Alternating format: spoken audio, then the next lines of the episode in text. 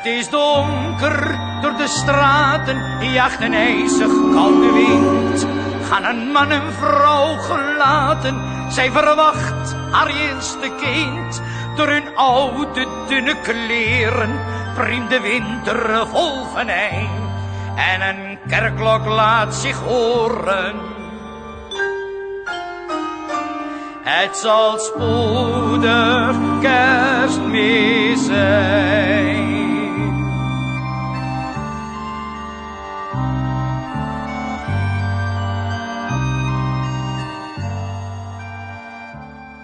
Johnny Jordaan zong het al. Het is donker. Dat was het in zijn tijd, toen de Jordaan nog een volksbuurt was, met veel armoede, waar het hard werken was om te overleven. Dat is het in onze tijd ook, nu corona de samenleving ontwricht, polariseert, velen op hun tenen lopen, zich zorgen maken of eenzaam voelen.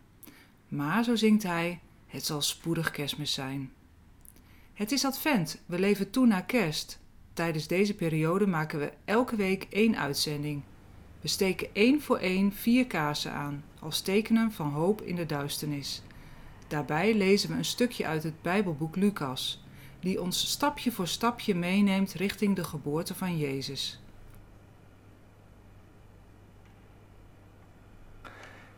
De tweede kaars brandt. En ik moet even terugdenken aan de afgelopen twee jaar. Bizar toch eigenlijk wat we allemaal hebben meegemaakt. De hele wereld zit in een gezondheidscrisis. En ieder van ons heeft daar op zijn eigen manier mee te maken. En heeft daar op een bepaalde manier geprobeerd om zich daartegen te beveiligen. We hebben het geprobeerd door afstand te houden, door mondkapjes om te doen, door ons extra streng aan allerlei hygiënemaatregelen te houden, door een lockdown, een avondklok. Sommigen die hebben al hun vertrouwen gesteld op een vaccin. Anderen vertrouwden eerder op zichzelf, op hun eigen gezonde levensstijl.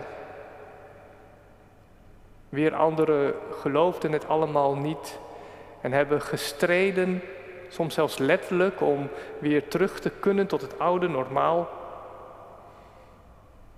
Maar wat ik denk dat wij allemaal wel ergens gemeen hebben, is dat we geprobeerd hebben om zelf in controle te zijn.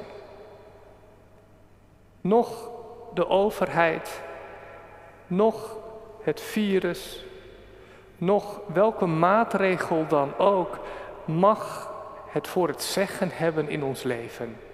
Nee, wij zelf bepalen hoe ons leven eruit ziet. Wij hebben de touwtjes van ons leven in handen.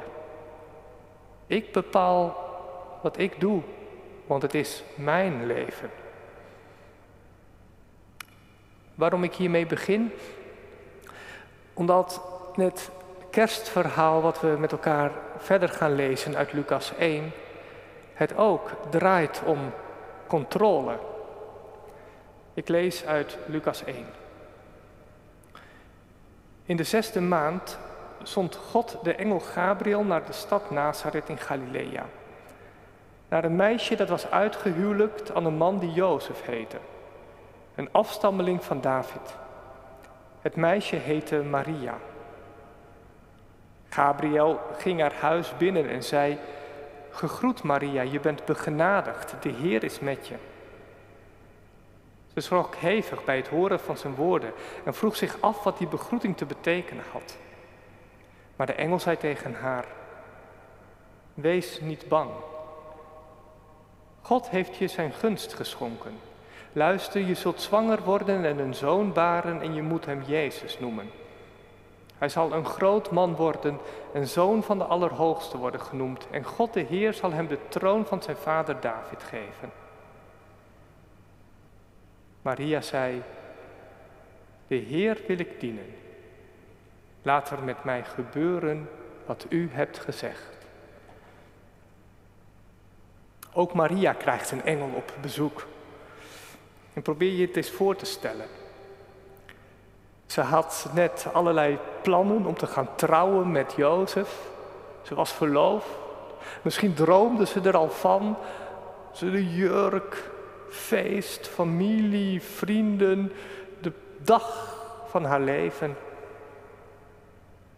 En op dat moment komt een engel roet in het eten gooien. Want die engel die vertelt haar dat ze zwanger zal worden. Van God nog wel. En wie gaat dat ooit geloven? Familie en vrienden zullen het hun er wel over denken. En Jozef. Jozef zal natuurlijk woest zijn. Want hij weet in ieder geval één ding zeker: dat hij de vader niet is. Huwelijk gecanceld.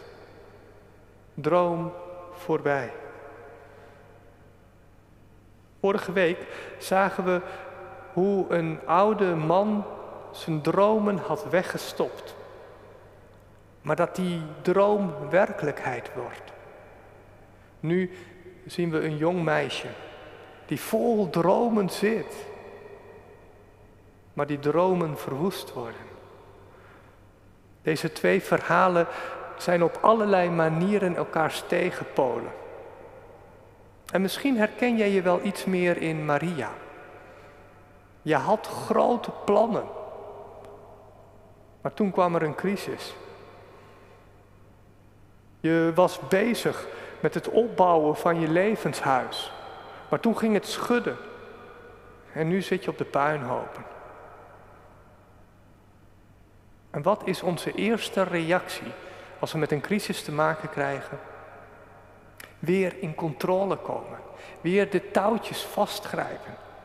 Zo snel mogelijk uit de crisis. Zo snel mogelijk naar het oude normaal. Maar hoe reageert Maria? De Heer wil ik dienen. Laat het maar gebeuren. Zij geeft zich over. Zij laat het over zich heen komen. Ze ondergaat het. Ze geeft de touwtjes van haar leven uit handen. Waarom zou je dat doen? Misschien juist wel omdat de allermooiste dingen in het leven gebeuren op het moment dat je geen controle hebt. Als je je laat verrassen. Liefde bijvoorbeeld. Liefde kun je niet afdwingen. Het is een geschenk wat je overkomt. Juist wanneer je die ander in de ogen ziet. En je geraakt wordt. En gevuld wordt met een gevoel dat groter is dan jijzelf. Of geluk. Geluk kun je ook niet kopen. Geluk kun je niet verdienen. Je kunt er niet keihard voor werken. Geluk is iets wat je overvalt. En waarvan je zegt, ik ben nu domweg gelukkig. En zo is het ook met geloof. Het is een sprong in het diepe. Een overgave. Kan ik jou bewijzen dat God bestaat? Kan ik aantonen dat het beter is om in Hem te geloven? Kan ik je overtuigen dat je de weg achter Jezus aan moet gaan? Nee, dat kan ik niet. En toch, en toch geloof ik dat als je het waagt, als je deze sprong durft te wagen, dat je verrast zult worden. Omdat iets van een diepe liefde en vreugde en geluk over je heen komen. Iets wat je misschien nooit voor mogelijk hebt gehouden. En daar wil ik dan ook samen met je om bidden. Heer onze God, krampachtig houden we ons leven vast.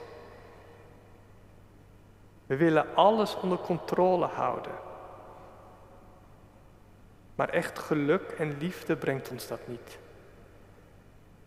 Help ons om los te laten. Om te leven in vertrouwen. Om te leven in geloof. Om net als Maria open te staan voor u. Amen.